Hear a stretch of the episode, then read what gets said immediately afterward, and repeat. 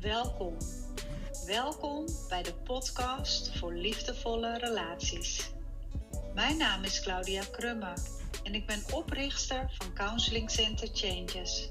Ik begeleid mannen en vrouwen bij relatie- en liefdesverslavingen.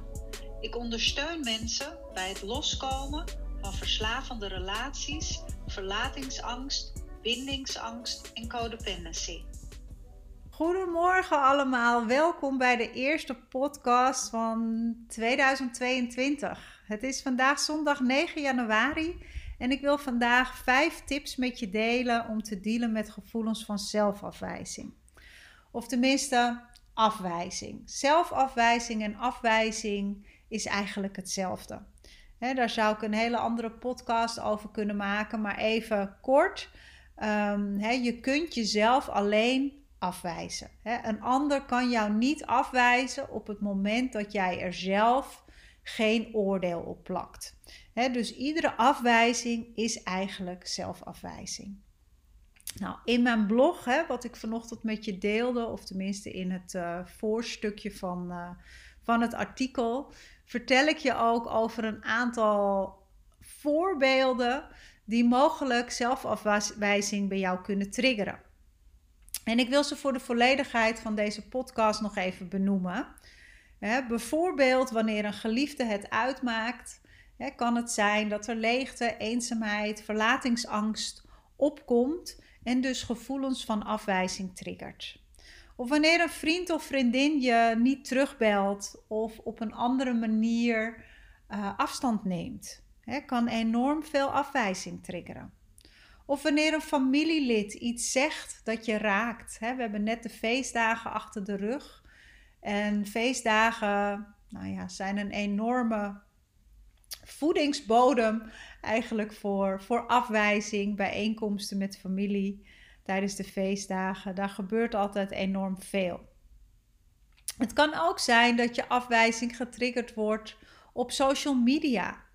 omdat een bepaald persoon je geen like geeft op een bericht dat je geplaatst hebt. Of op de werkvloer, wanneer je jezelf gaat vergelijken met een collega. Wanneer je jezelf onder een ander plaatst of misschien boven een ander. Hè, zijn beide uh, symptomen van, van lage eigenwaarde als het ware. Of wanneer op de werkvloer je contract niet verlengd wordt. Ook een enorme trigger voor afwijzing. Of wanneer je door vrienden of kennissen niet meegevraagd wordt naar een etentje of naar een feestje. Of wanneer een ander boos op je is. Dan ga je meteen aan jezelf twijfelen en um, trek je dat boetekleed aan. Of als laatste, wat voor mij wel de meest hardnekkige is, uh, wanneer iemand je negeert of een stiltebehandeling geeft. Wanneer iemand je negeert, dan gaan eigenlijk alle alarmbellen aan in het brein en uh, reageert zelfwijzing enorm sterk. want je staat als het ware aan de grond genageld en je weet niet wat er gebeurt, wat je moet denken, wat er nu precies speelt. Je hebt geen idee. En dat doet enorm veel pijn. En je vraagt jezelf dan ook af van waarom doet dit zo'n pijn? waarom kan dit zo enorm mijn stemming beïnvloeden? En waarom vlieg ik van de ene emotie naar de andere emotie? Het ene moment ben ik verdrietig, het andere moment word ik boos. En wat maakt dat ik me nou ook zo slecht voel over mezelf? dus je wordt heen en weer geslingerd in een rollercoaster van allerlei verschillende gevoelens en emoties. En het probleem is dat wanneer we dus onszelf afgewezen voelen, dat we er vaak ook nog een schepje bovenop doen en onszelf ook nog gaan afwijzen. dus net wanneer de afwijzing het meeste pijn doet, beschadigen we onszelf nog een beetje meer. Nou, super destructief.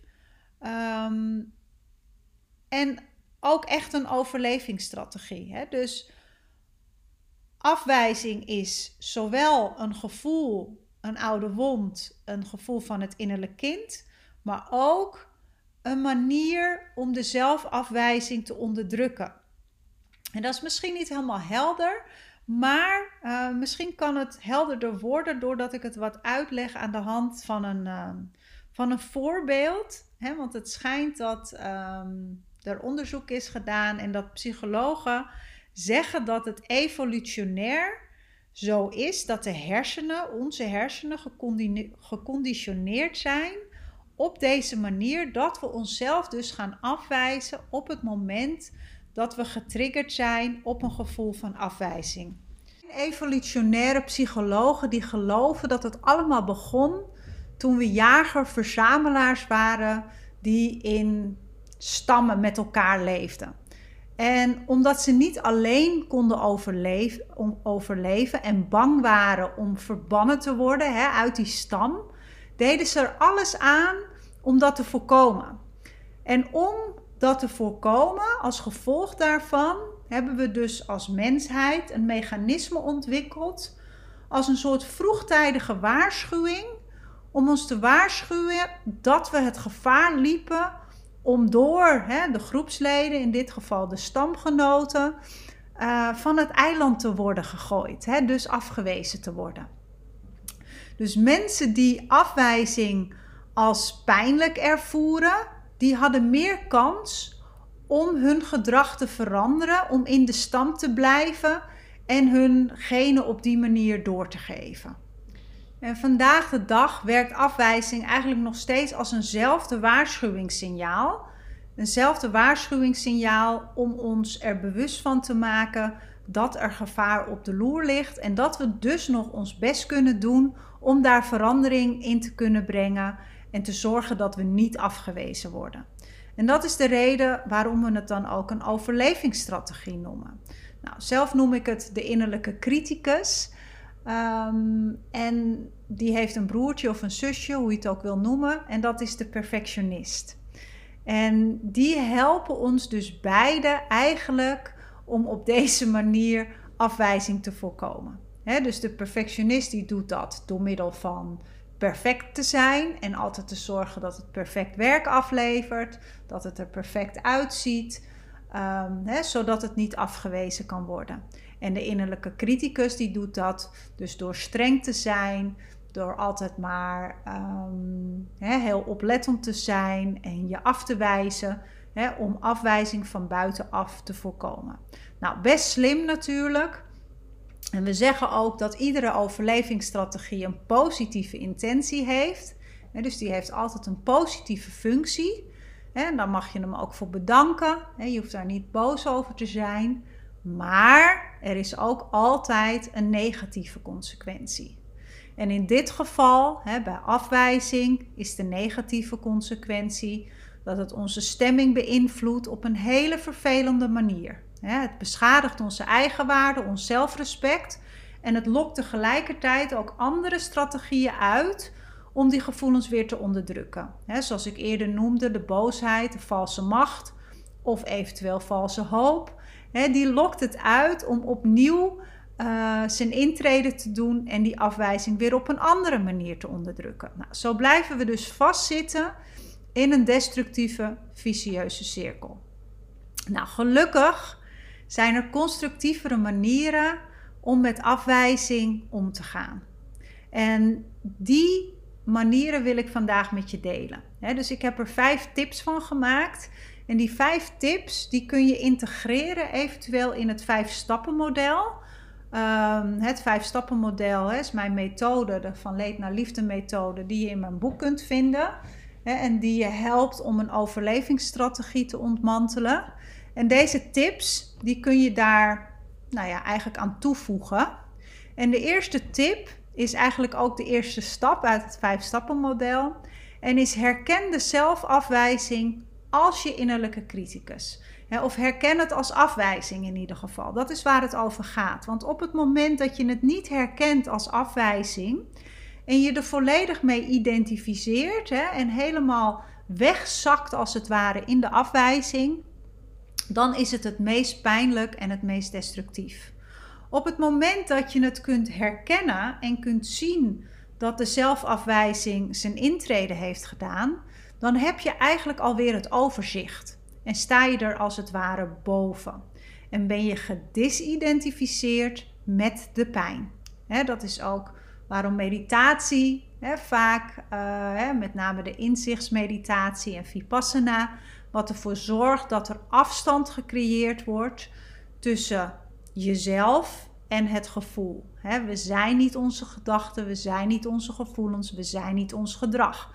Alleen op het moment dat je in de zelfafwijzing zit, kun je dat dus niet meer voelen en ben je volledig, word je overgenomen door die zelfafwijzing. dus dat is de eerste tip. Stap daaruit, herken het.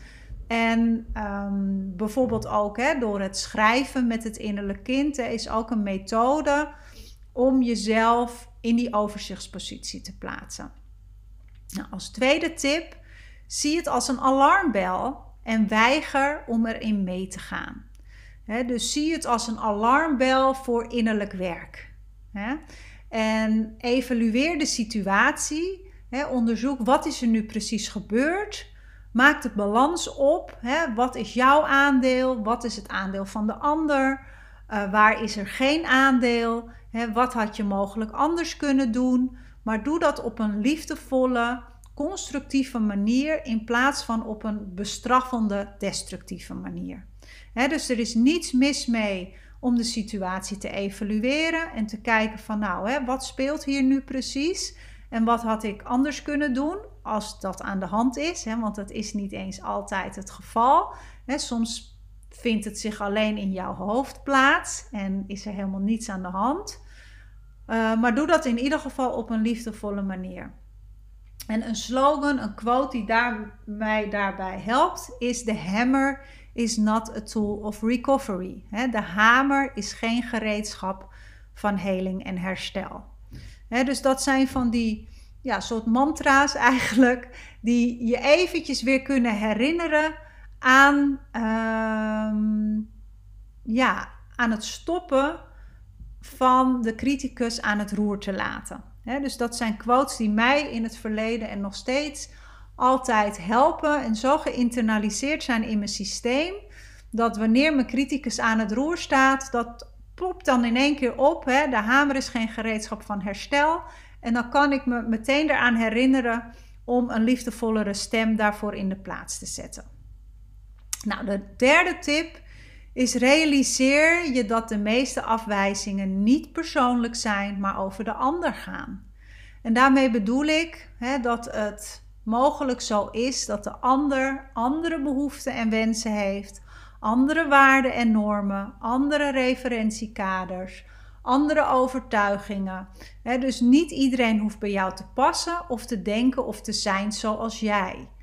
En um, heel vaak uh, gaat het dus niet over jou, maar gaat het veel meer over de behoeften van een ander. Die jou dan wel mogelijk pijn doen, maar die niet bewust ingezet worden om jou pijn te doen. terwijl jij er allerlei dingen bij haalt um, en jezelf daarop afwijst. Nou, dan als vierde tip: maak een lijst van vijf kwaliteiten. Een lijst van vijf kwaliteiten die jij hebt die bij jou horen en belangrijk of zinvol zijn. Dingen die maken dat mensen van jou houden om wie jij bent. dus bijvoorbeeld omdat jij emotioneel beschikbaar bent, omdat jij iemand bent die zich aan de afspraken houdt, of die attent is, of die mensen blij maakt. Uh, simpelweg door je aanwezigheid of omdat je een goede luisteraar bent. En um, vertel jezelf of je innerlijk kind dat je goed bent zoals je bent. En ondersteun het door die kwaliteiten op te noemen.